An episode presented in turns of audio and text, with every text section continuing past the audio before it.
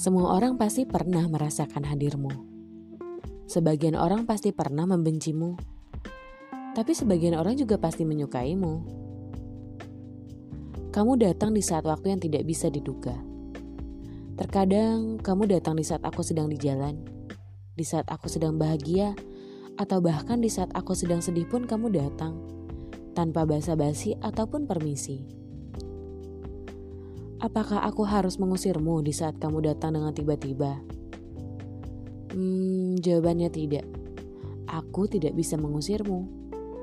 Semakin aku ingin mengusirmu, semakin kamu datang dengan waktu yang lama. Kamu adalah perasaan yang sangat membingungkan. Kedatangan kamu bisa membuat aku bahagia hingga menimbulkan lekukan senyuman di bibirku.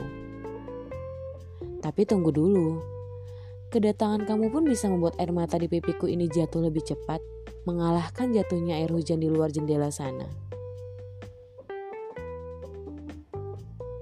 Aku mengenalmu dengan kata rindu. Rindu yang bisa membuat perasaanku ini tidak jelas maunya apa. Rindu yang terkadang membuat aku bahagia, bahkan hingga aku sengsara. Rindu, aku tahu kedatangan tiba-tiba kamu itu ada tujuannya Tujuan untuk diriku agar mengingat kenangan. Iya, kenangan.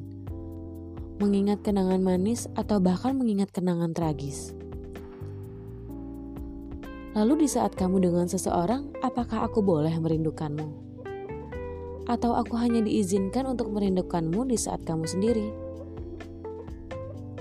Aku ingin menjadi manusia egois. Aku ingin menjadi manusia yang hanya bisa merindukanmu Bahkan aku tidak mengizinkan orang lain untuk merindukanmu. Sekarang aku mengerti kenapa sebagian orang menyukaimu. Karena kamu selalu berhasil membuat kenangan manis menjadi tangis. Dan jangan salahkan mereka yang membencimu. Karena kamu membuat tangis menjadi tragis. Lalu, Apakah aku boleh meminta untuk tetap bisa merindu dengan bahagia tanpa harus sengsara?